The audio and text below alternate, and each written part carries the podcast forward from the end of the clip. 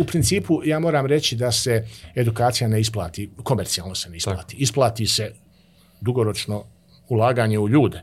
To se isplati. Dobar dan. Dobar dan, a vama dobro večer, dobri ljudi, dobrodošli u još jednu a, epizodu Beseda o obrazovanju, a, najgledaniji podcast na, na Marin dvoru od broja 1 do broja 3, kolega Namir Ibrahimović. I naravno kolega Redir Krajišnik, još uvijek glavni voditelj 1. Što ne znači da se u budućnosti neće i promijeniti. Sigurno hoće. Aha, a, potpuna privilegija danas vama večeras a, biti u društvu. A, gospodine koji imao privilegiju živjeti u jednom a, zlatnom dobu a, Jugoslavije, a, neko ko je radio na našim avionima, koliko god to ovim mlađim generacijama čudno izgledalo da se ovdje može proizvesti nešto tako kompleksno. A, neko ko, ko ima životni, a, životnu filozofiju, a, mentora, neko ko je sretan što je u penziji i što je ostavio ljude koji mogu ga a, zamijeniti. Šta god da kažem, bit će a, skromno u odnosu na ono što je životni put našeg večerašnjeg gosta, uvaženi Suleiman Čatibuš, Gigi, a, dva mekađa, Gigi, samo a, da znate. Dobro nam došli. Dobro Bolje vas našli. Hvala vam što ste me pozvali i eto što ste mi omogućili da malo popričamo. Hmm.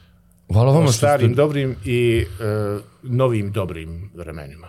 Novim dobrim vremenima. Evo sad, da. samo da znate za razliku od pred razgovora u ovoj emisiji, ovo je sad optimistično. ono što je uvijek se, kad se spominjemo stara vremena, ili kad krenemo, dakle, uvijek se ide onaj princip prigovora kao to je nostalgija, tad smo bili ono, vezivali za život, ono koje je bilo ugodno, mladi smo bili, činilo nam se da je Romantiziranje yes, mladosti. Dakle, nismo ono, iš, je li ono, ta vrsta uh, nostalgije važna i za ono što ste vi imali priliku da iskusite u, u pa, mladosti ili se negdje nečem drugom ja, zastima? Vjerovatno jeste. Mi I najvažnije možda... pitanje, izvinjavam se, pa da možete kompletirati, je li se moglo spavati u parku? da, moglo se je spavati. Uh, sad moram napraviti malu anegdoticu. Uh, išli smo neke 70. neke godine, ne znam, uh, alpinistička sekcija grada Sarajeva je išla na u Austriji na Grossglockner. Dakle, u avgustu smo imali lednički tečaj. Zvuči mm -hmm. jako zanimljivo, ali u poljeta smo bili u ledu i učili smo, jel, vježbali smo kako se penje u ledu. Između ostalog, imali smo voz do Ljubljane, onda smo trebali da sačekamo autobus koji će nas iz Ljubljane prebaciti do Klagenfurta ili do Graca, ne mogu sad da se sjetim tačno, ali spavali smo u parku. Tu, tu znači, noć smo... Vi ste živi dokaz da se moglo spavati. Tu noć smo spavali u parku, naravno imali smo vreće, nismo bili, ovaj, imali smo vreće za spavanje. Što je alpinistima sastavni dio opreme. imali, smo, imali smo i organizovano buđenje ovaj, ujutro, naime, pošto smo spavali na klupama, Uh, pojavio se mali plavi fićo sa natpisom milicija i sad su oni ovaj šet dakle vozili su između tih klupa odnosno stazom jel su vozili i nisu izlazili iz auta samo je e, na suvozačevom mjestu i, kroz prozor virila ruka s pendrekom i ono ka, kako naiđe pored kako naiđe pored koga tako zvizne ovaj Ustaje. tako je, jeste, to je bilo, eto, recimo, to je jedna crtica, ja se izvinjam malo uz, uz, uz, uz eto, to, to je, recimo, a, ali zaista, zaista je to tako. Međutim, ono što uh, mi smo se branili, naravno, u vrijeme, uh, uh, kao bilo je to super, bilo je krasno, bilo je divno, dok nije djed jednog mog prijatelja, mi smo nešto pričali, imali smo tada možda 23-4 godine, ja sam možda došao iz vojske i mi smo u tim godinama pričali o starim dobrim vremenima. Mislim, ne, e, znači, svako vrijeme ima svoja stara dobra vremena. I onda je valjda tom djedu je dosadilo da sluša te naše priče i onda je on samo rekao kratko, najbolje je bilo kad je bio kralj Petar. I onda smo mi ovako, znaš, stali... Je li smije to izgovoriti? Znaš, ja mislim, ono, da, djede, šta ti je? Jes, jes, kaže, Boga mi, meni bilo 27 godina. I to je, To je bio odgovor i ja sam od tada prestao da razmišljam o starim dobrim vremenima. Mislim, to je jedna dimenzija u kojoj mi živimo i e, jedino što, što je za razgovor, znači pođemo recimo u visoko pa se vratimo, predomislimo se. Uh, u vremenu ne možemo da se predomišljamo, znači vrijeme, vrijeme teče svojim tokom i to je dimenzija... Predomislili se mi ili ne? to je tako. A, evo sad, ajde da, da vidimo tu jugoslovensku školu koju ste vi iskusili? Šta je bilo u njoj vidno drugačije u komparaciji sa ovom današnjom zašto vas je pripremila? Kako pamtite školu, e, generalno obrazovanje? Ja, pa, te ljude u Generalno, ja sam od, od, od, samog početka ovaj, bio taj neki learning by doing. E sad, kako sam ja uopšte došao, recimo, u drugu gimnaziju, u matematičko odjeljenje, vjerovatno sva djeca, svi, svi omladinci, svi, tad je u nas malo pubertet kasnije, tako da sam ja u osmom razredu još uvijek bio dijete.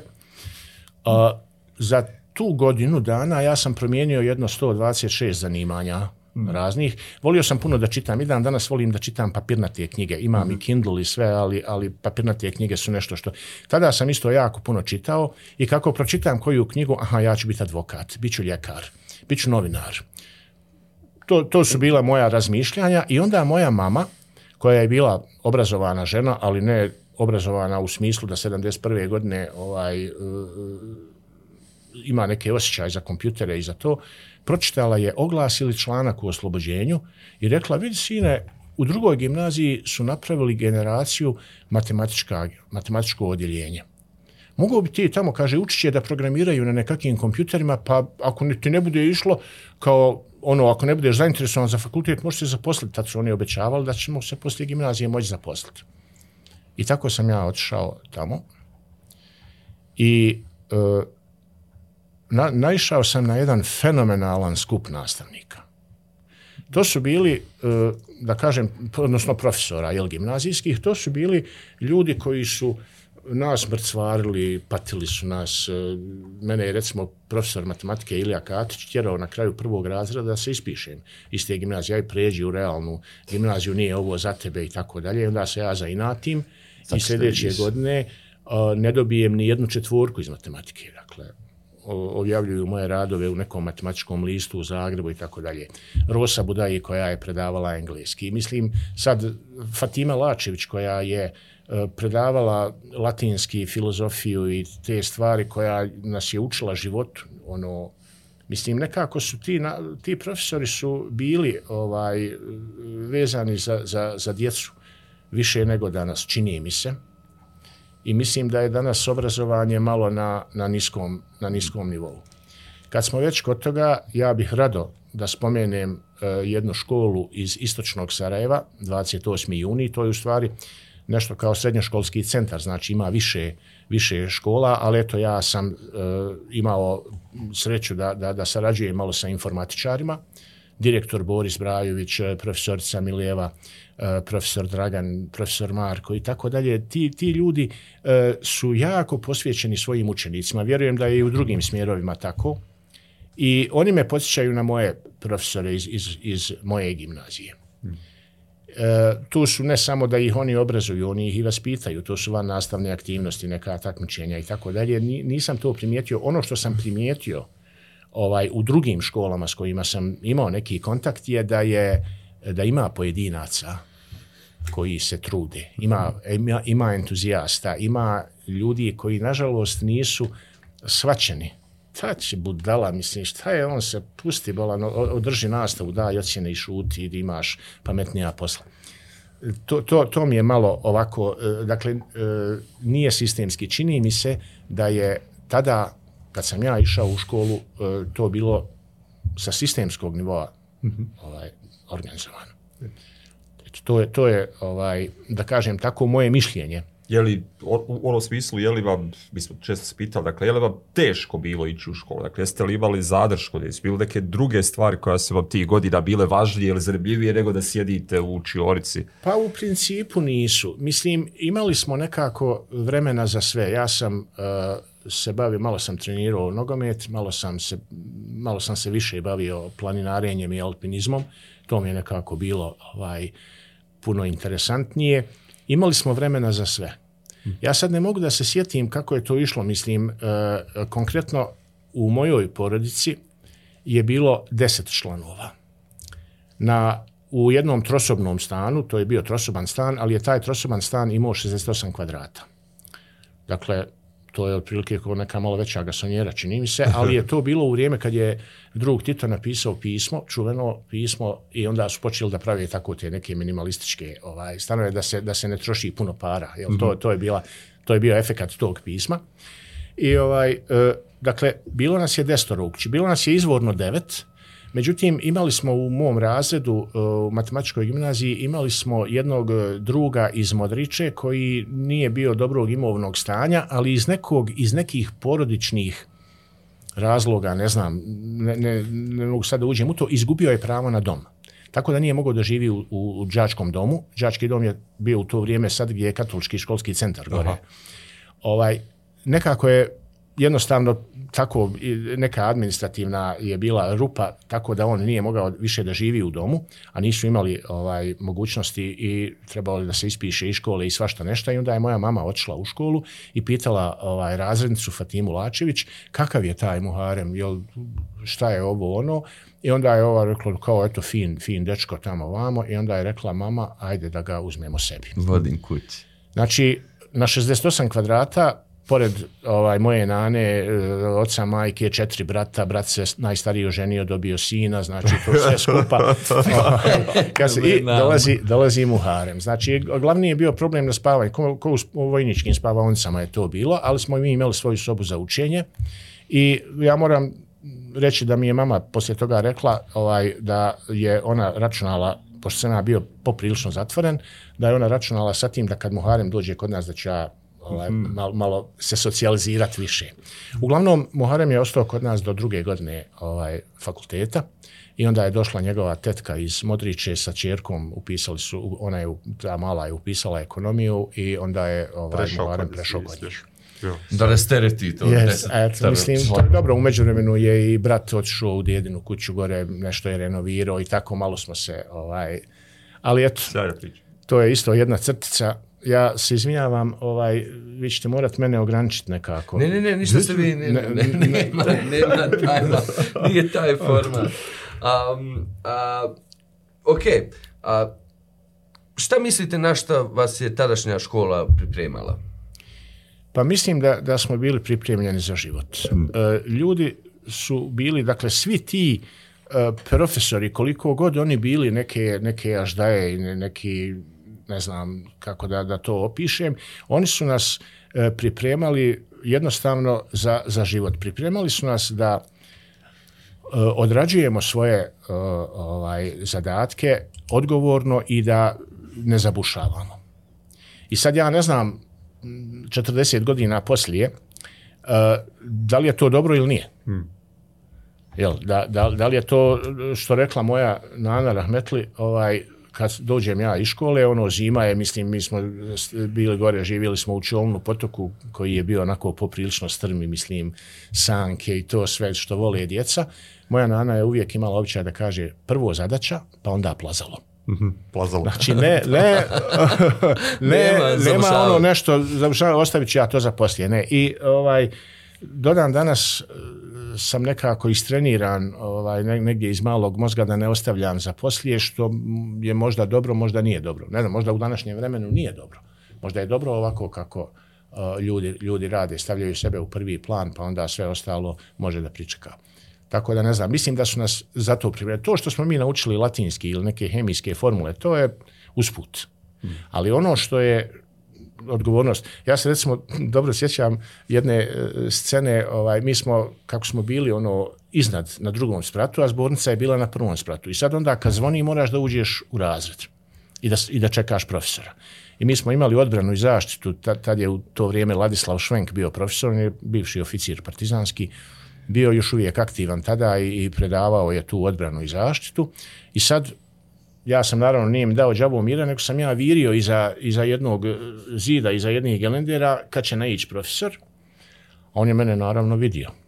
I sad ovaj, ja sam pobjegao u razred i sjeo sam na klupu, međutim on je mene skužio, došao je do klupe, uzeo me za rukav i izveo na tablu i kaže, ajde, kaže, Čatibušiću, izviđanje i usmatranje.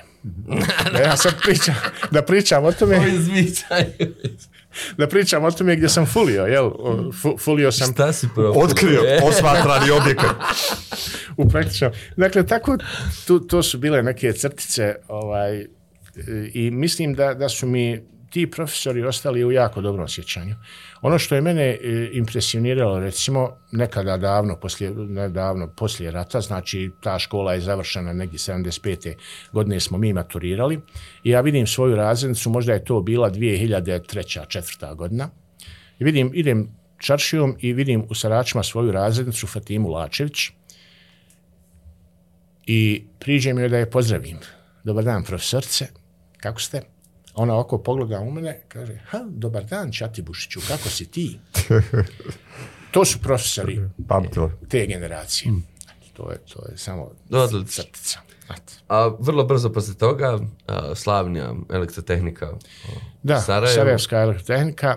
Ja sam sad, što se tiče, to, to je bilo zaista usmjerenje. Mi smo e, zaista imali predmet programiranje u gimnaziji i e, od drugog razreda smo radili nešto. I ovaj, znači ovog proljeća se navršava 50 godina od kako sam ja napisao svoj prvi računarski program. Fort. Fortran, jeste. Fortran. Uh, doći ćemo i na to. Tako da je ovaj da je to zaista uh, moram reći uh, jedna jedna onak 50 godina dakle uh, ali nisam najstariji programer u Bosni i Hercegovini, recimo uh, generacija prije mene, znači ja sam druga generacija matematičke gimnazije, generacija prije mene je recimo Zlatko Lagumđija bio u, u tom razredu. Dobro, nije se nešto proslavio u ovom polju, ovaj, osim Dobro, u političkom jeste. Dobro, on je odšao u politiku. Ja, men je politika uvijek bila nešto strana, tako da, ono, jednostavno tako. Ali eto, e, jedna crtica da je on bio i on je e, bio profesor na ekonomiji, ovaj, tako da, eto, to je to. Je to. Nećemo njemu posvećivati. Ne. Evo. A, programirali ste rukom, pisali ste. Da. To ovim mlađim generacijama izgleda kao... Pa to i meni da, danas izgleda kao naučna fantastika, jer ja ne mogu da, da sada dozovem uopšte taj workflow koji smo mi imali tada. Naime, računar je bio ICL 1902. To je bio računar za koji vam je trebao trosoban stan da ga smjestite. Mm. Ovaj, to je a bio je to, u ono vrijeme je to bila zvijer, 32 kilobajta rama. ono, haos. Četiri trake, znači mogli ste e, da, da napišete program koji istovremeno čita ili piše na četiri fajla. Hmm. Jer smo imali četiri Opa. trake. I imali smo naravno tri diska. Ovaj, jedan je bio rezerva, a na drugim diskovima, disk je bio veličine uh, gume od FAPA. Aha.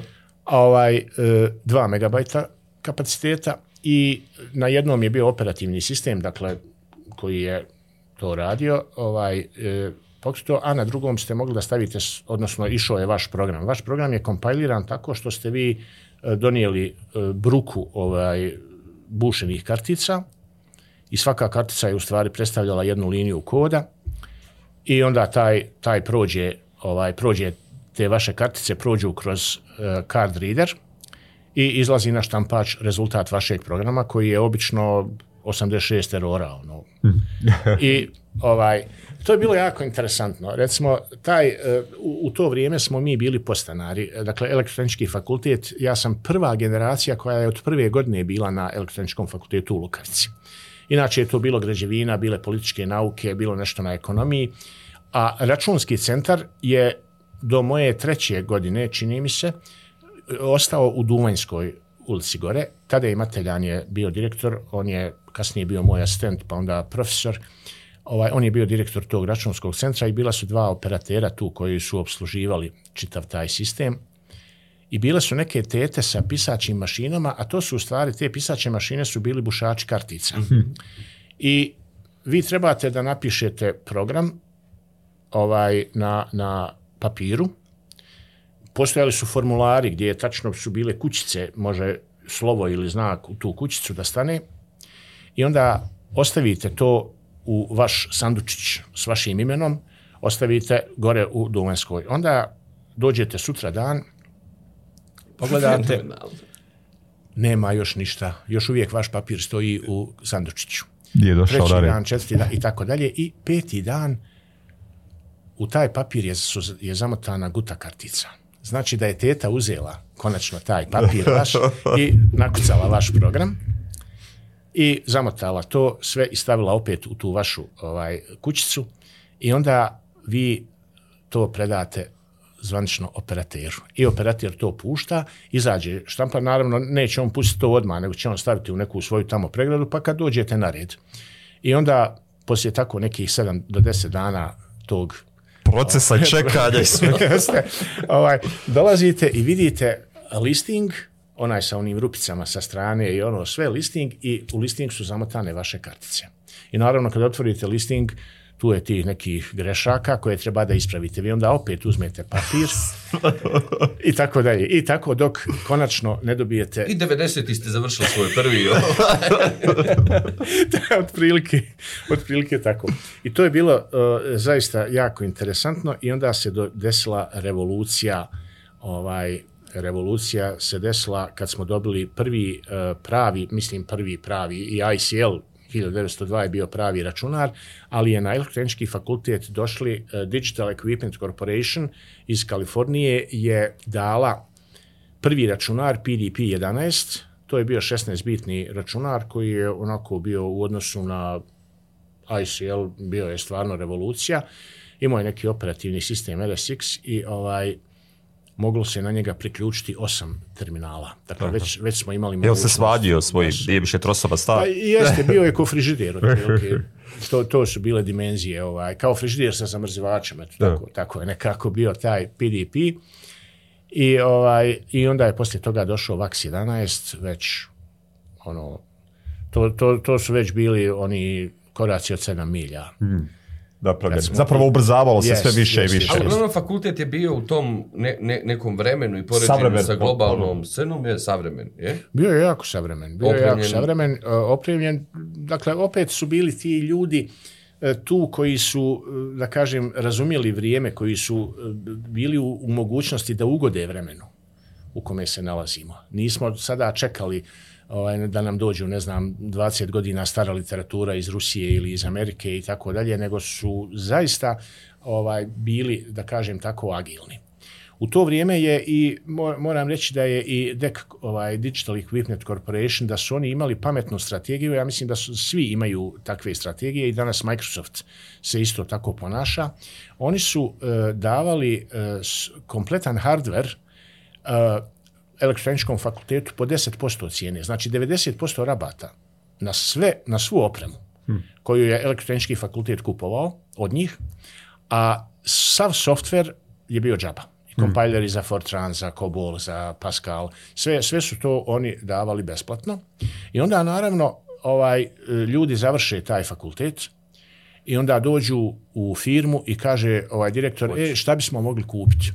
Ćemo Na čemu sam učio? Da. Mislim, jel, znači, to, to, to je bila ta strategija ovaj, koja je, i mislim, mi smo jako puno, ovaj, jako, jako puno nam je to valjalo. Mm. Jer smo imali, imali smo tehnologiju. Danas nije problem imati tehnologiju pod prstima kad imamo internet. Znači, sve što se desi, ne znam, u, u Los Angelesu, na Ukli, mi imamo kroz par sati, ovaj, ili možda čak i momentalno, ovaj, kad se publikuje imamo ovdje dostupno. Mi u to vrijeme nismo imali, pardon, nismo imali taj tu mogućnost, ali smo imali uh, najmoderniju opremu tog vremena i imali smo ažurne verzije softvera kad god, naravno da su one dolazile u nekim, na nekim trakama i u nekim paketima i tako dalje, nije nije bilo ono download i te mm. stvari, ali E, imali smo tu mogućnost. I e, zahvaljujući tome smo mogli da napredujemo, ne samo mi, nego i naši profesori, naši asistenti. To je, A to se nekad napredovalo? Ulagalo u sebe? Da, jest, tako je to, to bilo. A, naravno, e, ovaj, kad, kad rekao ste ulagalo u sebe, dakle, čovjek mora učiti e, dok je živ ja sam prije imao običaj da kaže moram učiti do penzije, međutim ja i sad i, i prošla, penzije. doš, došla penzija, ja opet nešto, ovaj, nešto tabirim po nekim novim stvarima, po nečemu što je izašlo, onako čisto curiosity, ono, ne, nemam nikakve koristi od toga u smislu da kažem sad, evo sad ću ja napraviti neki projekat pa ću ga prodati. Mm -hmm. Ne, nego jednostavno tako, valjda, valjda sam se naučio, a onda ja se pridržavam jedne svoje maksime, odnosno to sam čuo od nekog pametnog čovjeka podavno, ali ovaj e, sam to usvojio kao, kao svoj životni moto. Čovjek treba da umre mlad, definitivno. Ali što je kasnije moguće. Je. Tako da, da u principu ovaj, trebamo da se tako nekako ponašamo. Naravno, uvijek treba biti svjestan toga da živimo, da imamo neku porodicu, da imamo neke obaveze i da moramo e, da odgovorimo tim obavezama, ali ako možemo to da ukomponujemo sa našim dječačkim duhom u, sebi, onda je to puno bolje. E, moj otac, Rahmetli, je imao običaj da mi kaže, sine, nije fazon da ti radiš ono što voliš. Fazon je da voliš ono što radiš. Jer gdje će te baciti život, to, to, to je veliko pitanje. Jel? Ali e, prilagodi se uvijek svakom, ovaj, da tako kažem, svako, svakom environmentu u kojem se nađeš, prilagodi se. Ja sam, eh, hvala Bogu, imao sreću da sam imao i, i dobro okruženje i dobre mentore i na fakultetu i eh, na poslu na kome sam radio.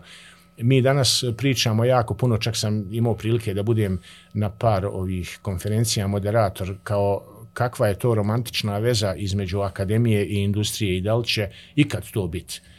Međutim, mi smo tada imali zaista tu romantičnu vezu. Svi profesori sa fakulteta su radili u ovom IRCA institutu u kome sam ja započeo svoju karijeru. Imali smo pored toga još IRIS, imali smo energetsku elektroniku, imali smo ovaj ERC, Energo Investov računski centar. Znači, mm. ali niko, niko nije bio zakucan na fakultetu i ono, nego su svi bili, svi su radili u industriji. I to je sjajno da priča o stipendiranju studenta ja. tehničkih i elektrotehničkih fakulteta. Jest, to je, uh, ja sam uh, prije nekoliko godina kad sam počeo da radim u Mistralu, pa smo imali sa elektrotehničkog fakulteta poziv da pristvojimo nekim njihovim prezentacijama studenta koji su radili. Ja sam bio stvarno impresioniran šta, šta ti momci rade i tu su opet ja sam bio također na elektrotehničkom fakultetu jedno vrijeme ovaj predavač ovaj, i na saobraćajnom i tako dalje. Danas sam na, na ovaj SSSTU, na, na ovom dole. Mm -hmm. Ali e, bio sam stvarno impresioniran, znači ima, ima profesora pojedinaca koji se trude oko studenta još uvijek. Ali ono što sam ja gledao tada, e, studenti prezentiraju svoje radove, došle su sarajevske firme koje se bave informatikom, Authority Partners u to vrijeme 200 zaposlenih, Mistral u to vrijeme 40 zaposlenih, ne znam ko je još bio. Mm -hmm. I ono gledam, znaš, na, na moje prezentacije su dolazili ljudi iz Hidrogradnje, iz Union Investa, iz Unisa. Koji su imali mnogo veći broj zaposlenih i bavili su se on, stvarima. Znate, i onda, mislim, kad dođe Rizo Selmanagić, kaže, evo, 20 stipendija ove godine ćemo dati. Mislim, to, to nije stipendija, to je posao obezbijeđen Da, da, da. I tako, znaš. Tako da, ovaj, to, to je, recimo, meni tada upalo u oči kad smo išli na te prezentacije. Hoće da kaže, točili smo korak unazad. Pa jes, Nekoliko koraka unazad. Jesmo, jesmo. Ja ne znam sad, može li se to nazvat korak ili već u skokovima. Da. Kakav je odnos studenta bio prema, prema znanju? Ili postoji entuzijazam prema a, istraživanju, učenju i tako dalje? Pa, bilo je, dakle, isto kao i danas. E, pojedinci su bili veliki entuzijasti i grabili su što je moguće više, a opet, s druge strane, je bilo onih koji su se provlačili, koji su samo čekali da dobiju diplomu i da se zaposle i da, ono, do penzije. Kunjaju do penzije. Jest. Tako da je, mislim, što, što se toga tiče, to je otprilike ovaj, e, isto. A šta je razlog? Pa, dobro, ljudi, ljudi jednostavno možda nisu motivisani. Mm. E, mi smo imali, recimo, evo, e, ja sam se trudio na numeričkoj analizi koju je predavao e, pokojni Veljko Vuletić, ovaj, legenda, jedna, jedna od legendi elektroničkog fakulteta. E, bilo je tu nas, ne znam, pošto je to druga godina, bilo nas je još uvijek dovoljno, dovoljan broj studenta. Međutim, asistent na tom predmetu, Milenko Pikula je nekako mene zapikao i onda smo mi zajedno radili. zajedno smo nosili te, te programe, mm -hmm. ovaj, pošto je numerička analiza u pitanju, zajedno smo njegovim fićom nosili te sve sanduke kartica gore u, u Duvanjsku, vraćali nazad listinge, prozivali studente i tako dalje. On je mene vidio tu kao nekog, jer sam se ja stvarno trudio i, i mm. interesovalo me to. A on vjerovatno, dakle i na drugim predmetima je bila slična situacija, tako da on vjerovatno nije imao vremena ni živaca da se bavi studentima koji su bili ono indolentni. Mm. Jednostavno, te ljude pustiš. Uh, ja moram reći još jednu crticu. Uh, 305 studenta, ja sjećam da je upisalo elektronički fakultet te 75. godine. Bio je čitav spisak koje je sve položio prijemni ispit i tako dalje. Nas 44 smo diplomirali. Dakle, dogurali smo do... 305, 44. Četvrte godine i uradili diplomske radove i odbranili diplomske. I recimo jedna crtica, ja sam diplomski radio kod eh, profesora Tomislava Brodića. Tad su se pojavili neki uh, optički, optičke komponente su se pojavile, opto otpornici, optodiode, opto, ne znam, tranzistori i tako dalje, koje su reagovali na svjetlost, a mogle su da budu u sastavni, sastavni dio ovaj elektronskog sklopa.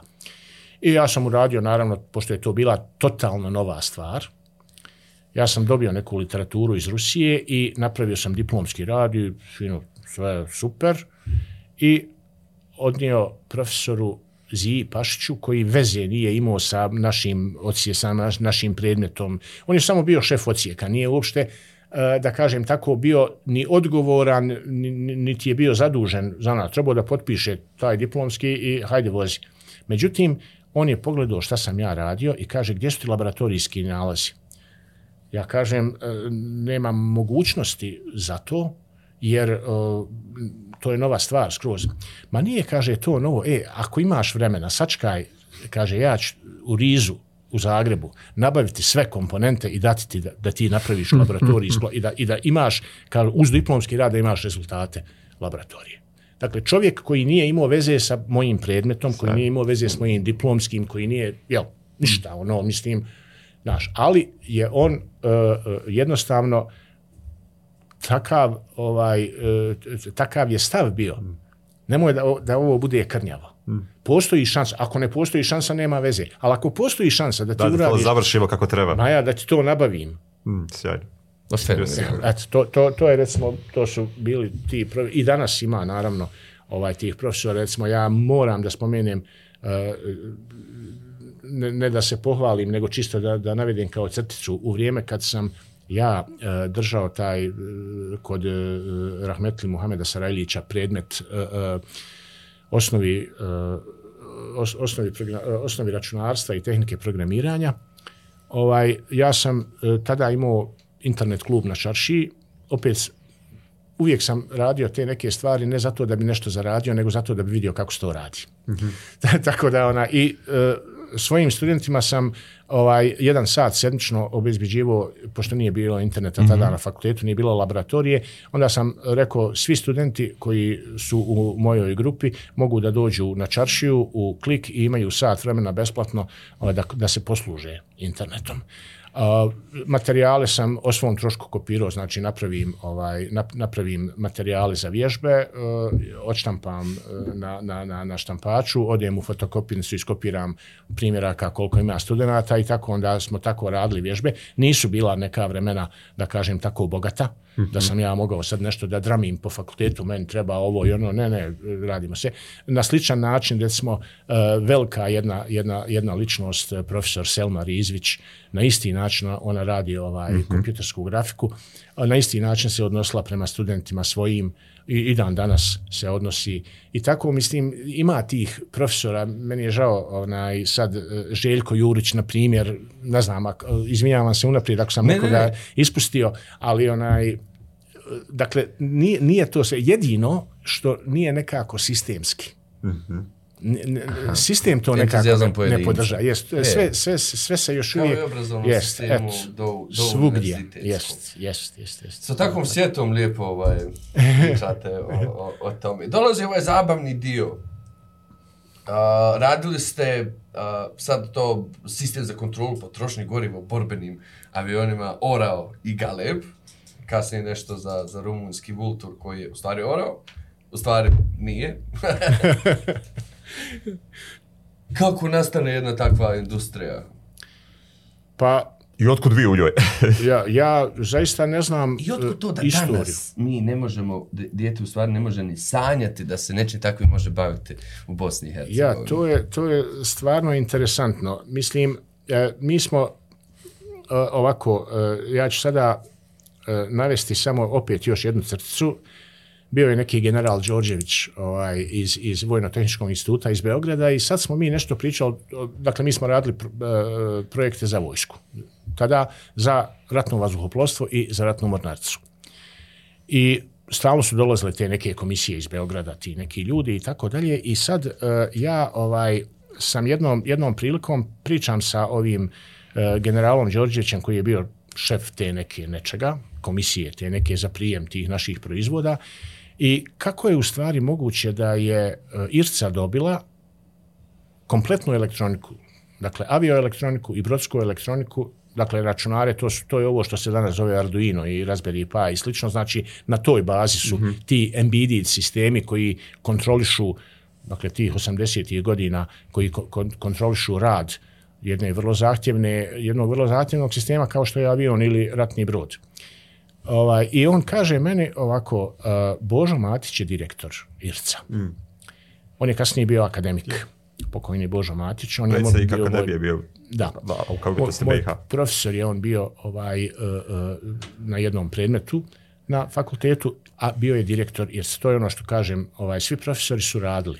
Mm. I ja sam bio isto asistent na fakultetu, tada samo što nisam bio u nastavi, nego sam bio kod profesora Kovača u, u ovoj laboratoriji za sistem analize, ali smo, smo radili. I kaže on meni, ljudi koji su direktori, obično odnosno rukovodioci na bilo kom nivou, obično se uh, okruže sa ljudima koji su slabiji od njih.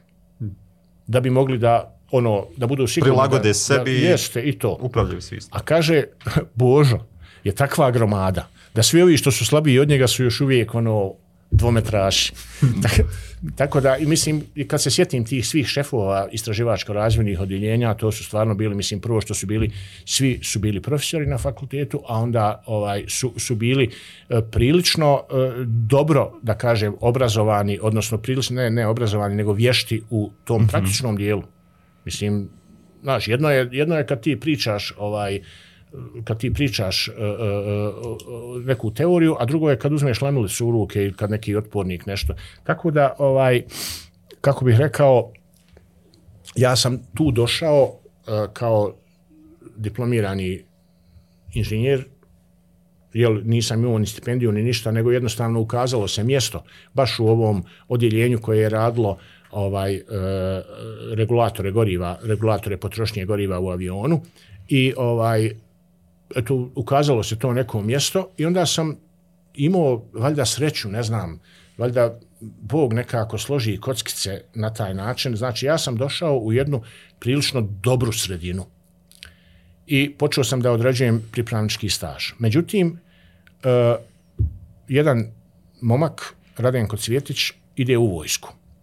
Ova jedna uh, Nada Gavranić se udala otišla napale, ovako nešto. Ova druga e, djevojka, ne mogu da sjetim kako se zvala, udala se u Ljubljanu. Odjednom ostali ja, ovaj e, Ljubo Kureš koji je ovaj majstor, dakle tehničar u stvari i Radenko, ovaj jedan škrkar koji je isto tako bio neki ono majstor, nije, nije bio inženjer. Znači, ja ostajem jedini že sa šest mjeseci radnog staža i nepoloženim ovaj pripravničkim ispitom, tada državnim ispitom, ovaj postajem vođa tog projekta.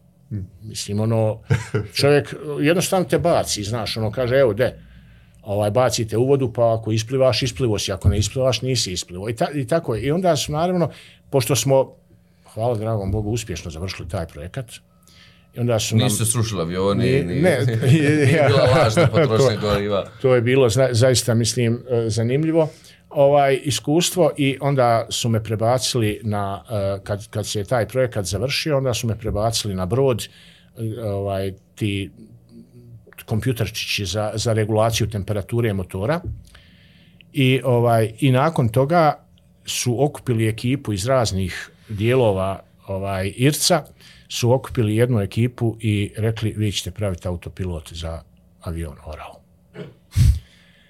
I tako da je to bilo ono, mislim, odakle mi uopšte da, da radimo to, mislim, mi smo imali uh, autoindustrija 5-6 u Jugoslaviji. Imali smo, kamioni su se proizvodili u Priboju, u Mariboru. Oh, yes.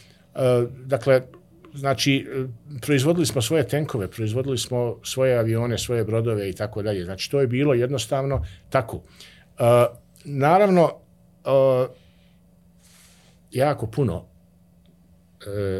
te industrije se finansiralo, mislim, vojska je imala para i ona je finansirala te uh, projekte, ali se je jako puno budžeta punilo iz prodaje oružja nesvrstanima. Hmm.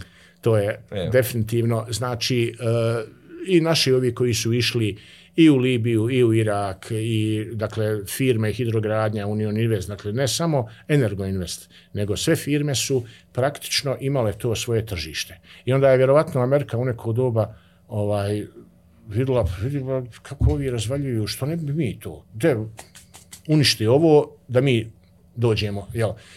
Tako da je to ovaj bilo, ali eto, čini mi se da smo se oporavili, da opet imamo neku vojnu industriju u Bosni i Hercegovini, sigurno i u Srbiji ima nešto, ovaj, i, i tako dalje. Mislim da, da, da se vraćamo mm. ovaj, na, na, na te neke, ne znam, linije, ali mislim da nikad više nećemo postići ono što je bilo. Vjerovatno je i vrijeme bilo takvo i znaš, ne, ne, ne mogu sada da, da uopšte, ne mogu da zamislim kako bi mi danas mogli da proizvodimo avione. U ovom trenutku, vjerovatno je lakše razmišljati o tome šta su autopiloti ili bespilotne letjelice i sve ostalo. Kako tada izgleda kada vi trebate osmisliti, dakle, kreirati autopilota za, za avion i ostalo? Dakle, šta je izazov bio poseban? Šta, šta ste vi pa, zapravo trebali da napravite? Izazov je bio, ovaj, e, prvo su bile izazov letne karakteristike aviona. Mislim, mi, uh, uh, aj sad da, da se vratim dvije rečence unazad. Informatika ne može da postoji bez uh, svojih klijenata, bez svojih, svojih korisnika. Znači, ako ne postoji fabrika obuće, nema smisla praviti program koji će podržavati tu proizvodnju. Isto tako smo mi prije nego što smo uopšte počeli da razmišljamo o šta treba da radi taj autopilot, mi smo morali da vidimo kakve su to letne karakteristike, mm -hmm. kako se ponaša taj avion uopšte u, u, ovaj, u letu. I e, morali smo, dakle, da dobijemo, mislim, hiljadu nekih e, knjiga koje nemaju veze ni sa elektronikom, ni sa informatikom, ni nišćim, nego jednostavno to je čisto ono zakon o količini kretanja. Ono što je, recimo, meni bilo interesantno je e, da avion dakle ovaj konkretno orao, on je imao uh, krila iznad trupa, Aha. Galeb je imao krila ispod trupa i to strašno utiče na letne karakteristike. Recimo, a, avion orao je prilikom skretanja morao da uhvati okuku. Mislim, na, na nebu nema ceste, nema bankine, nema, znaš, nema ništa. Dakle, orao se ponašao ko kamion. Ono, prvo mora malo da se izmakne, pa onda da skrene. To je, to je bilo, mm. recimo, meni je to bilo fascinantno. I mi smo uh, imali jedan računar, danas se o tome slabo priča, ja mislim, ne znam da li se i koristi uopšte, to je analogni računar. Znači, to, je, e, to nije digitalni računar, to je računar koji radi na bazi e, običnog analognog signala. Mm -hmm. I ti signali se obično kreću u rangu od 4 do 20 miliampera, to su te, te struje i to su neka pojačala, pa povratna veza otpornik, ono, mi smo na tome simulirali, to je ovako kao zid, izgleda kao čitav zid i svaki ta ima, ima tu neku, svako to pojačalo, ima dva ulaza, ima gore povratnu spregu i tako dalje, te gluposti. I mi smo u stvari proveli određeno vrijeme tu. Aha. Sljedeća, sljedeća stavka, znači to su bile pripreme da mi napravimo to.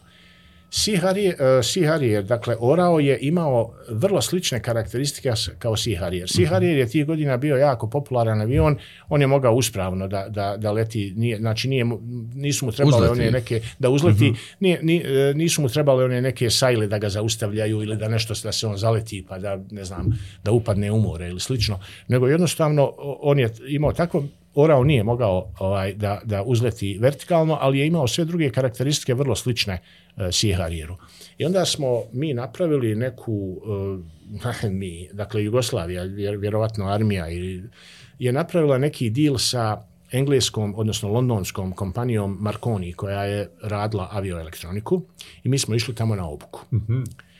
I čitava ekipa je išla na obuku i ovaj, e, tada smo prošli i e, obuku za pilota u, u to vrijeme. Naravno, nismo nikad cijeli u gluho bilo. Oni su imali te neke trenažere. I to je isto e, nevjerovatna stvar. Da li smo mi e, išli tamo zbog tih trenažera ili zbog Markonija, nebitno, ali je to bio jedina armija u Evropi koja je imala trenažere. Dakle, simula, simulatore leta gdje ti sjediš u stolicu, imaš ono sve ko u pravom avionu. E, nas su oni tu, recimo, maltretirali da vide šta ako otkaže, recimo, kontrolir valjanja. Šta se događa sa avionom, onda ti naravno dušu ispovraćaš poslije toga. Jel te taj trenažer te u stvari ovaj, simulira i te greške uh -huh. koje, koje se dešavaju u sistemu. Tako da u stvari ti vidiš e, na, na, na licu mjesta vidiš šta bi ti trebao da isprogramiraš. Odnosno već, već te se stvara organigram u glavi. Uh -huh. 30 godina poslije toga ja odem u Istanbul i na vrhu nekog nebodera koji se zove Safir, to je neki trgovački centar, ima helikopter i sightseeing Istanbula. Ja odem gore, 20 lira je tada bila cijena za tih nekih pola sata provedenih u tom, to je simulator. Znači, u jednom momentu jedna jedina armija u Evropi ima taj simulator. Niko drugi ga nema. U drugom, svaki Turistička centar, atrakcija. svaki trgovački centar ima to. Mislim, nevjerovatno. I to naravno e, na isti način, ovaj, pošto sam ja bio u tom prvobitnom trenažeru, onda kad sam sjeo u taj njihov helikopter... Sve vam se ono, vratilo. Sve ono, dr, drma se ona, kako se zove... Dr, da vi počeli ispravljati greške. Sad radi informacije, izvinjavam se. Eto, to je. Ispravi. Um, Tako da je to, to recimo bilo, bilo uh, zaista karakterično. I onda, naravno, poslije toga smo dobili uh, i ideje i dobili smo i neke ovaj od Markonija smo dobili šeme kako su oni rješavali si Harijera pa da mi po tom urneku o, rješavamo Orla. I taj autopilot je u stvari bio veličine kutije od cipela. Mm -hmm. On je imao uh, kontrolere i autopilote, dakle tri, po tri ose uh, avion kad se kreće u vazduhu, on ima svoj inercijalni koordinatni sistem, takozvani. On, on, je, on je sam za, u odnosu na zemlju ništa nego samo ka, kako on uh, funkcioniše. I dakle kontroler uh,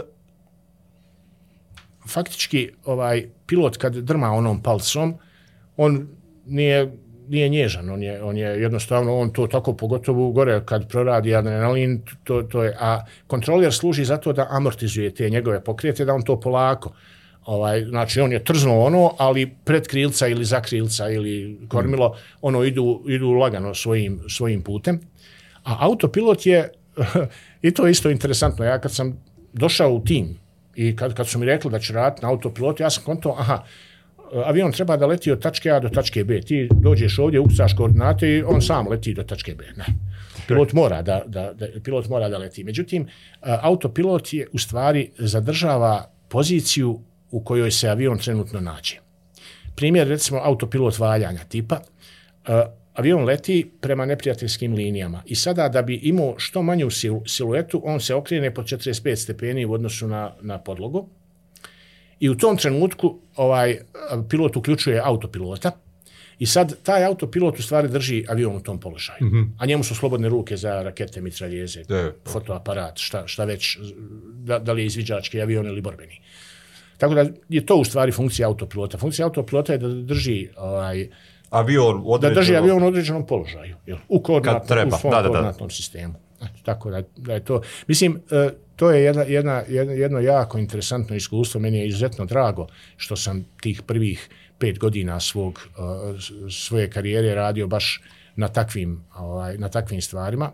Imao sam fenomenalnog mentora, Rahmetli Nusret Memić, inženjer koji je, uh, on nije bio vođa tog tima, ali je uh, bio, da tako kažem, glavni i odgovorni za sve.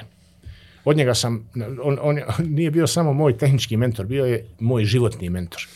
Ovaj, ne, ne, neke sam stvar naučio od njega, ali recimo prvi puta kada sam trebao da idem u Kraljevcu u brodogradilište, imali smo uh, kompjutere, dakle za desni, desni motor, lijevi motor, su bili kompjuteri koji su regulisali temperaturu motora. I sad sam ja trebao to da ugradim, mislim mi smo to sve fino ovdje, ovdje uradili, ali o, kad, je, ovaj, kad je u pitanju znači teren, ideš, nema veze što si ti inženjer, plava, ona, plavi kombinezon, šeraf ciger i udri.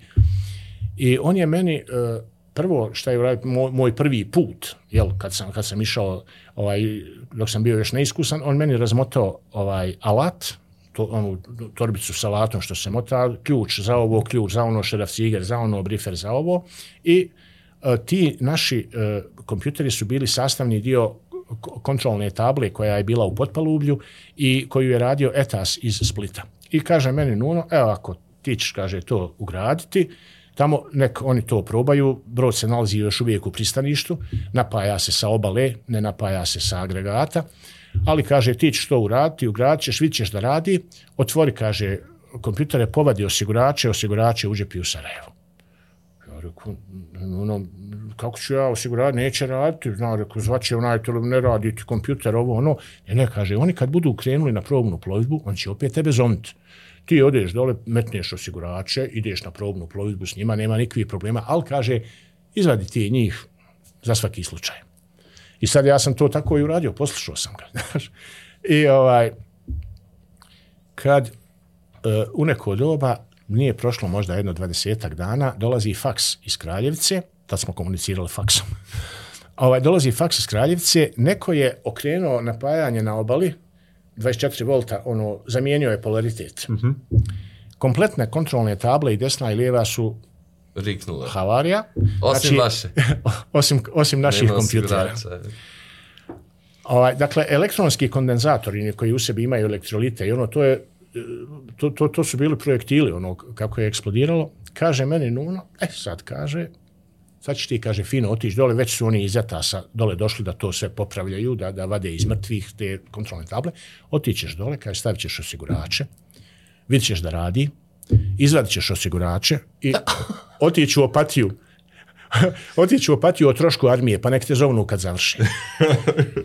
e, mislim, to, to, to su ne, nevjerovatne stvari. Ovaj, I poslije se, poslije, ne znam, nekih možda dvadesetak godina poslije toga, ja ovaj sam asistent njegovom sinu Aha. na fakultetu. Mislim, to su tako Fenomen. te neke... Čisto spominjete ovaj Simon. Mentor, pitanje mentora bi bilo. Ovaj, dakle, sad, koliko ovo vaše iskustvo sa mentorom Dusretom Bebićem je zapravo vama pomoglo da osmislite sad čitav niz pa, ovih edukacijonih programa? Jeste, on je mene učinio i, i boljim mentorom. Ovaj, ne samo boljim inženjerom. Ja sam od njega dosta naučio ovih praktičnih stvari, ali ovaj e, učinio mi je i boljim mentorom nekako kako se kako se odnosiš prema mentorčetu. Mm -hmm. Ako dobiješ neko mentorče. Mentorče. Dobar termin. pa ja, ako dobiješ kako, mislim, jesi li ti tu, podrazumijeva se da si ti dominantan. Mislim, ne, ne moraš to ništa dokazivati. Mm. Podrazumijeva se da si ti u odnosu na njega Josip Broz. Ali daj pomozi čovjeku, ohrabri ga, poguraj ga, daj mu malo neke mentalne snage da on svi, svi mogu da savladaju ovaj prepreke. Hmm. Ali samo treba, da kažem tako, treba biti dobronamjeran hmm. prema tim ljudima koji od tebe očekuju nešto. On, tebe, mislim, ja nisam ni blizu toga što, što, što su ljudi kroz godine gledali u, u meni, mislim, hmm. daleko od toga. Ali uh, moraš, ne, ne smiješ se uživiti u to, ne smiješ se, ono, hmm. biti ohol ili nešto, nego moraš. I to, to mi je pomoglo jako. Dragan Kovač, uh, profesor koji je držao baze podataka, on je poslije, uh, mislim, ja sam završio fakultet, odmah sam ušao kod njega u laboratoriju za sistem analiza kao asistent, nisam bio u nastavi, radili smo baš one praktične stvari po firmama, sarajevskim i, i, i šire, i ovaj, on, on mi je isto nekih njegovih savjeta, mislim, programiranje ko programiranje, hajde on nešto nacrta, mi to isprogramiramo i to je okej. Okay. Ali neke rečence, ovaj, tipa recimo, uh, sine, u ovoj Jugoslaviji svako zaslužuje svoje mjesto. Nemoj ni prema kome biti, ovaj, e, e, da kažem, tako arogantan. od Josipa Broza do čistača ulice. Svi oni imaju svoj dignitet, svi oni imaju svoju ličnost i prema svima treba biti, da kažem tako, treba imati fair odnos.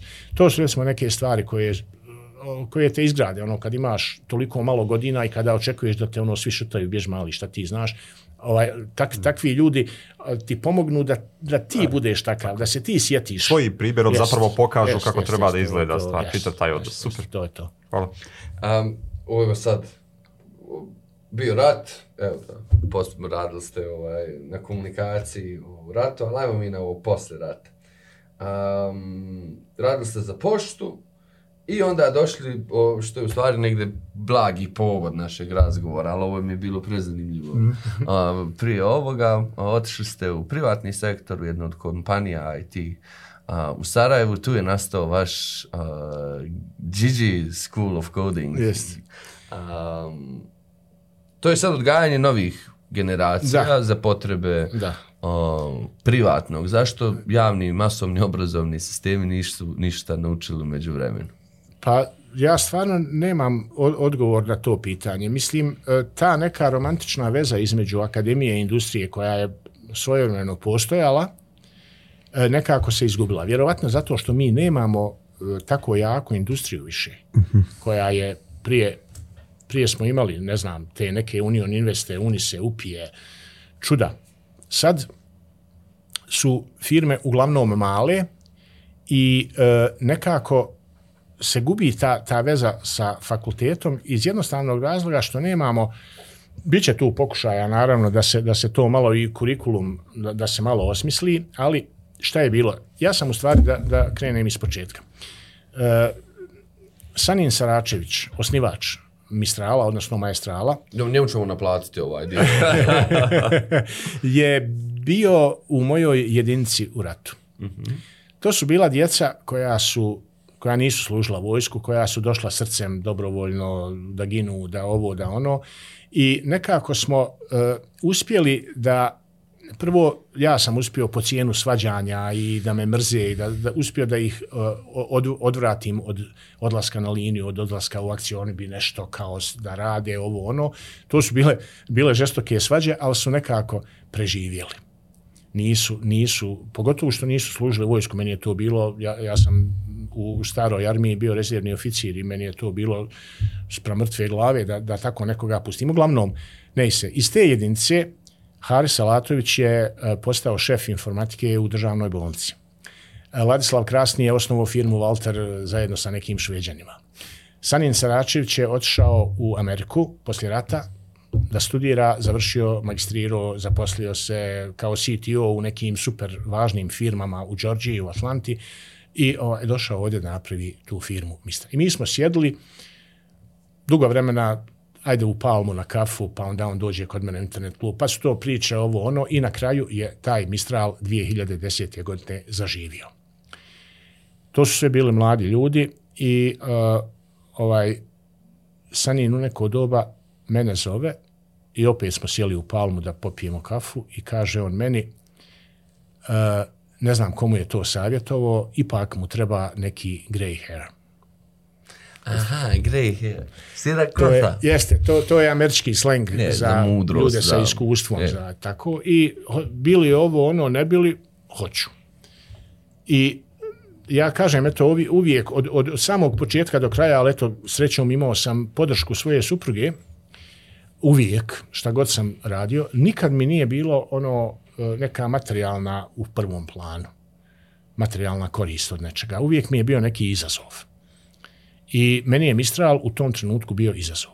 Htio sam da, da vidim kako to funkcioniše i da li mogu da se uklopim tu ovaj e, i za, nisam se nisam se prevario. Mada je pola firme u, u to vrijeme je Mistral već imao negdje oko 30 zaposlenih ovaj, pola firme je bilo ono, ja vidi ga, je došao iz državne firme, Jarane, Jasli, došao... Da, ovdje, otkaz u pošti. Znaš, da, otkaz u pošti, došao ovdje, mislim, na neku vjetrometinu, ali, mislim, uspjeli smo. Ovaj, I ti ljudi koji su eh, radili u Mistralu su eh, jednostavno smo uspjeli. Međutim, fazon je u tome što uh, ljudi koji dođu sa fakulteta, moraju se moraju proći kroz neki onboarding proces, kroz neki period. I onda u zavisnosti od toga gdje zapadnu, u koji tim zapadnu, uh, različito se obrazuju, različito, različito se ra, ra, različito ide taj njihov growing ovaj, u, u, u developere. I ja sam se i tada sjetio uh, vremena kad sam ja bio pripravnik, kad sam bio mladi inženjer. Dakle, ja sam imao sreću da mi je u timu bio Nusret Memić, koji me je maltretirao, virio iza leđa, je, dječak ne ide to tako ovako, ide i tako dalje, da ti pokažem. Onda mi donese neku knjigu egzotičnu, da pročitaj ovo. A onda kancelarija do uh, eh, Lih je dobio neku knjigu iz Moskve i drži je u ladici i čita, to je stručna literatura, ali kad neko uđe na vrata, on zatvori ladicu. da ne bi neko vidio slučajno da on ima tu knjigu. Da, da, dakle, to su, mislim, Jasno. evocirajući uspomene na taj period, koji je meni žao, ja da sam bio recimo u kancelariji s tim likom, vjerovatno bi ono završio kao neki average Joe, ali ovaj, kad sam evocirao uspomene, onda sam rekao Mercedu, koji je ovaj, direktor uh, Sarajevske firme Mistral, ovaj, hajde da napravimo nek, neku, neki kurs, neki pripravnički staž za sve ljude koji dođu u Mistral.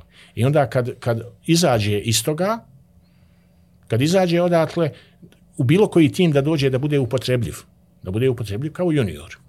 I onda, ajde, o, o, u redu, napravit ćemo to, super, to je odlična ideja. I onda je Sanin rekao, neka se to zove Gigi School. Kao Gigi-eva škola. Mm a kao to je super rečenica jer zvuči kao Gigi is cool.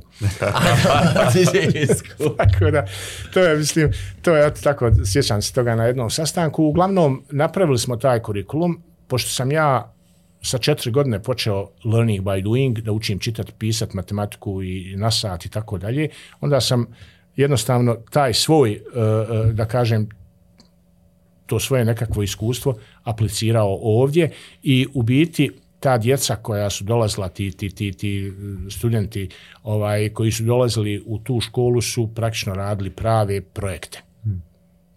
I oni su na bazi tih rješavanja problema su ovaj učili. I to je jako, jako zanimljivo.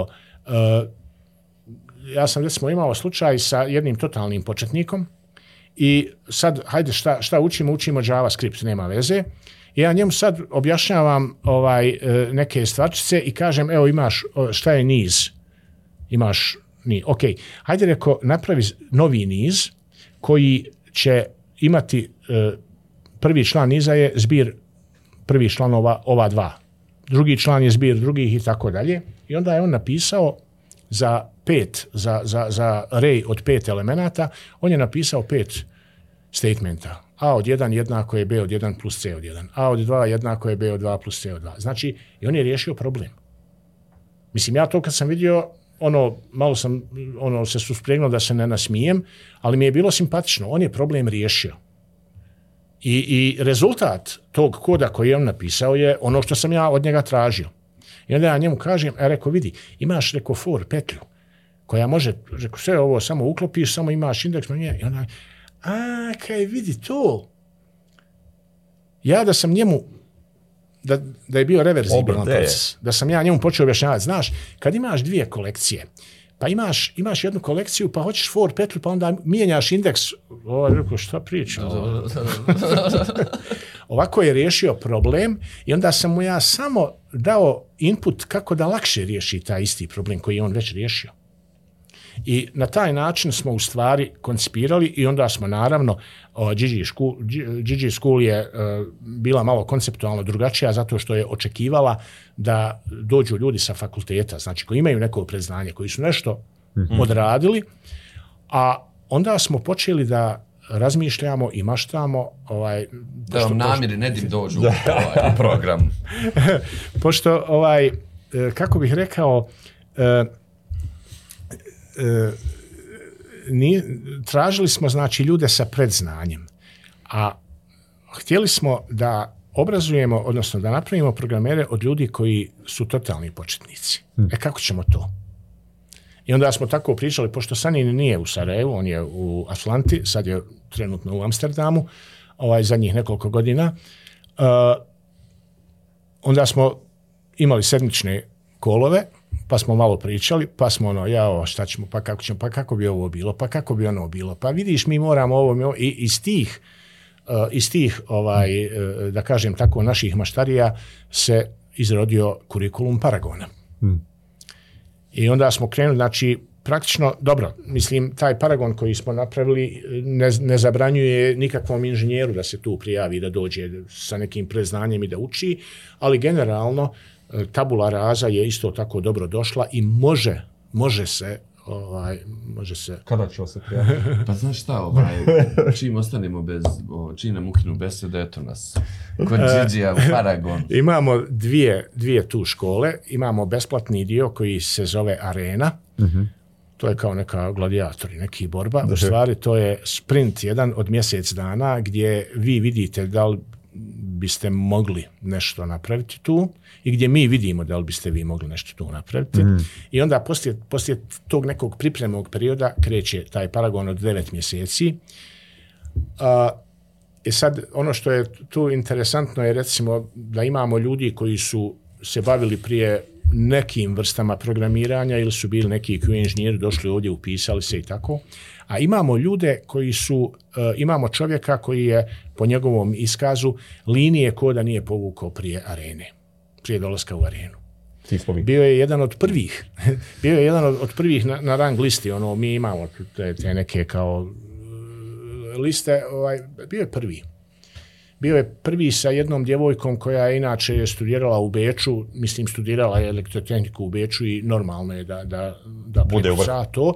Međutim, ona je napustila fakultet, došla ovaj, u Brčko i upisala Paragon i sad je zaposlenik Mistrala. I ona, i, i ovaj, dakle, to su recimo neke, neke fine priče. Ima naravno ljudi koji nisu uspjeli, ali je to ono sistem, e, znaš kako, ti vidiš da on ne radi, pošto mi imamo to, sad ono, pratimo ih naravno, e, ne, ne, ne peglamo ih previše, ako nešto pitaju, odgovorimo, inače ih uputimo sa linkovima, tako da je, dajemo im te projekte, dajemo im feedback na projekte, ti si to uradio, ja ti nisam pomogao, ali mogo si ovo bolje, mogo si ono, ovo si odlično uradio, tako te.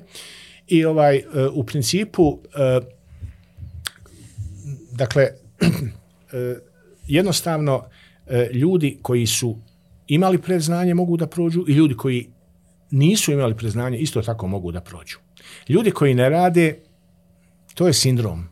Znači, on je tu došao e, i sad ti vidiš da on nije aktivan, pa ga zovneš, pa kažeš, e, bogati šta bi, e, od ponedeljka počinjem ozbiljno od ponedeljka. Pravna država. I tako. Paralelno s pravnom jest, državom. Jeste, jeste, jest, upravo, upravo tako. I to je, mislim, i meni je, recimo, e, taj program nije jeftin, ali opet ne može da pokrije naše troškove. No, dakle, uh, mislim, uh, u principu ja moram reći da se edukacija ne isplati, komercijalno se ne isplati. Tako. Isplati se dugoročno ulaganje u ljude. To se isplati. Ali program pojedinačni za svaku jest, osobu se ne isplati. I za cijelu koju... Jest. I sad, ali ono opet što ja kažem... Što znači što da je ti... ma masovno obrazovanje javno dobro. Jest. Upravo Vrlo tako. To, to, upravo to sad dolazimo do te Ne može biti trošak. Jest. Ovaj, što se uglavnom smatra troškom. Ali ovi ljudi koji su, da kažem, tu došli, e, svi gledaju pare. I ovi sa strane komentatori i to, znaš. Niko ne gleda vrijeme čovječe, ti ćeš pare namiriti. Ti ako prođeš u Paragonu, ti ćeš se zaposliti kao developer i kroz par mjeseci ćeš pokriti Vrati taj, sad, sam uložili. Ako ne, onda ćeš se zaposliti na nekom drugom mjestu.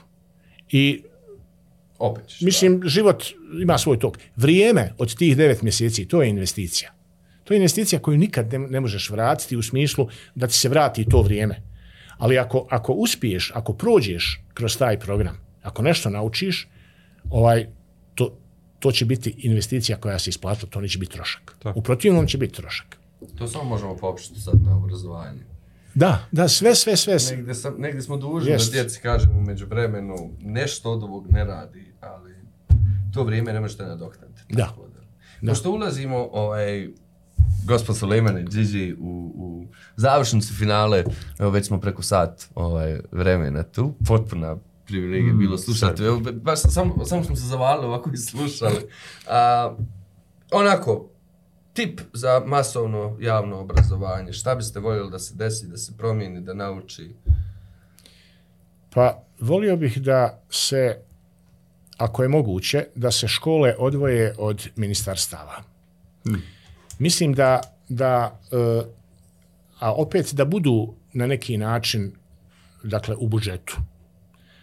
E, I da, kako bih rekao, e, moje iskustvo sa, sa tim nekim pričama je da e, ono što dođe u ministarstvo i što završi u ladici, to nikad više, ne da nikad više ne izađe iz ladice, ali prilično teško to ide.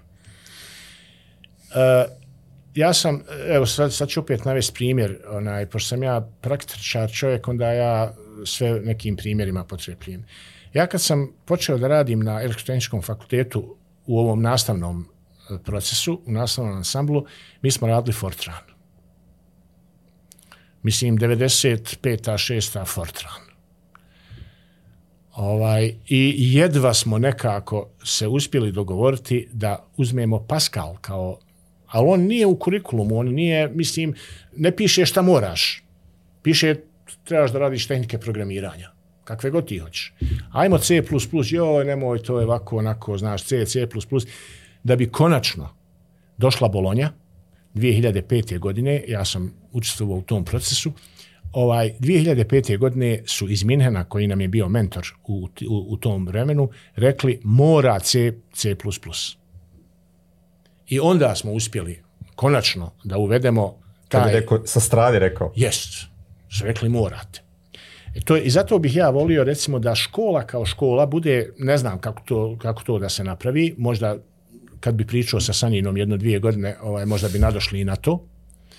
Škola kao škola da ne bude vezana lancima za taj kurikulum, da ne bude vezana lancima za ministarstvo, da ima slobodu uh, u, u smislu dobro, može se napraviti neka komisija ili već kako ćemo to nazvati, da vidi taj kurikulum, da li, da li će on napraviti od te djece nešto. Nama su srednjoškolci jako bitni. Isto kao što su u armiji bitni uh, oni podoficiri koji vode vojsku, koji žive s vojskom, koji ginu s vojskom. Tako su nama isto ovdje bitni ovi e, in, informatičari, programeri, srednjoškolci. Njemu ne trebaju neke vrhunske vizije. On može naravno da nastavi fakultet, ali je on već poslije srednje škole uz odgovarajući kurikulum, on je već poslije srednje škole spreman da da doprinos kao junior u nekom timu. I to je velika, velika razlika. Hoćete li vi uh, ulagati, ne znam, u, u nekoga, u nečije studije, pa da onda on sjedi da kuca kod, ili ćete uzeti momka koji, je, koji će možda i bolje nakucati taj kod mm. od, od ovog inženjera. Ne, ne, a, a, inženjer, just, a inženjer može da radi arhitekturu, može da, da, da, da globalno ovaj radi projekat, može da mm. radi strategiju razvoja projekta i tako dalje. Sve ono što može strategiju sigurnosnih sistema i tako dalje. Nedim fakt je bio na našem prvom tečejem sajmu. Aha. Klinju, ako se sjećate njega. Aha. On je kod vas sad najmlađi, jel, u posljednju? Jest, jest, jest. I sjećam se dobro te anegdote, mi smo imali neki problem sa webom, ne znam, pojma. Mm. On je došao učesnik osnovne škole tu, mm sad radi sa njim. Aha. I javlja se mailom nakon par dana njegova mm mama, jer on kao ima zabranu komuniciranja na, na, na taj način. Nedim vam je to popravio. znači, Nedim vam je to u pozadini popravio. Ja, ja imam dva sina koja su oba dvojica developeri. Fajk i Namik. Oni su sad već svoji ljudi. Međutim, e, sad me nam pade kad, kad si spomenuo Nedima, ovaj, oni su isto tako usmjereni, ali ja, ja ih nisam, da kažem, tako gurao. To je bilo onako slightly, ono, malo. A, ali su oba dvojica se zainteresovali za to programiranje, za development i danas su prilično uspješni. Ali je interesantna, recimo, situacija 96. ne znam, nekome sam pomagao kao, kao, kao sajed, neko je htio da napravi tu kompjutersku firmu i imali smo na, e, izložbeni ovaj pano, na, na, odnosno taj pult, kako se zove, na sajmu u Skenderiji.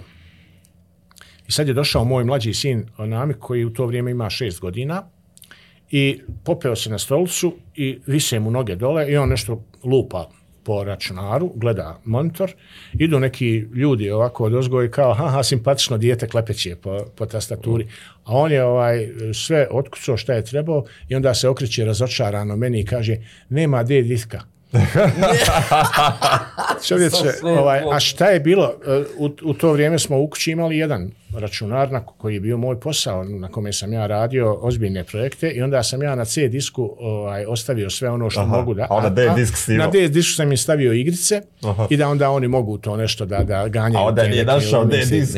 On nije na ovom računaru izložbenom, nije našao D, on je ono, znao, došao C, D, D, dirati. D, D, dvotačka, D, dvotačka, enter, I ono gleda, no nema, disk. nema D diska. Tako je Gospod Gigi, uh, hvala do neba na ovoj privilegiji da razgovaramo s vama. Hvala vama što sam mogao da vas davim. Dakle, ne, da, da, da, da pričam, ne znam, uh, ja sam, imam još samo jednu sitnicu da, da, da ispričam, kao dijete, moj otac je inače porijeklom iz Gornje Tuzle, ali su njegovi živjeli u Bijeljini i tamo ima jako puno Roma. I sad uh, ja sam jako loše jeo, imao sam jako loš apetit kad sam bio dijete i nisam nešto pretjerano ni pričao i, ovaj, i onda su savjetovali mojoj mami, kaže daj ti njemu hljeba iz ciganske torbe pa će on da dobije apetit. Međutim, to je bila pogrešna, pogrešna ovaj, uputa. Kad, ja kad sam pojeo taj hljeb, počeo sam da pričam. I dodam, danas sam takav. Ne Ostalo. Tako. Hvala, hvala mnogo. E, hvala vama. Dobri ljudi. Od aviona do današnje škole. škole. A, pametnom i šaret dovoljan. Kolega Namen Ibrahimović. Kolega Radim Krajišvik i naravno kolega Iber kojeg ne vidite, ali sve što vidite je Iber. Tako da, Ibere, hvala i za ovu epizodu. Hvala puno. Vidimo se.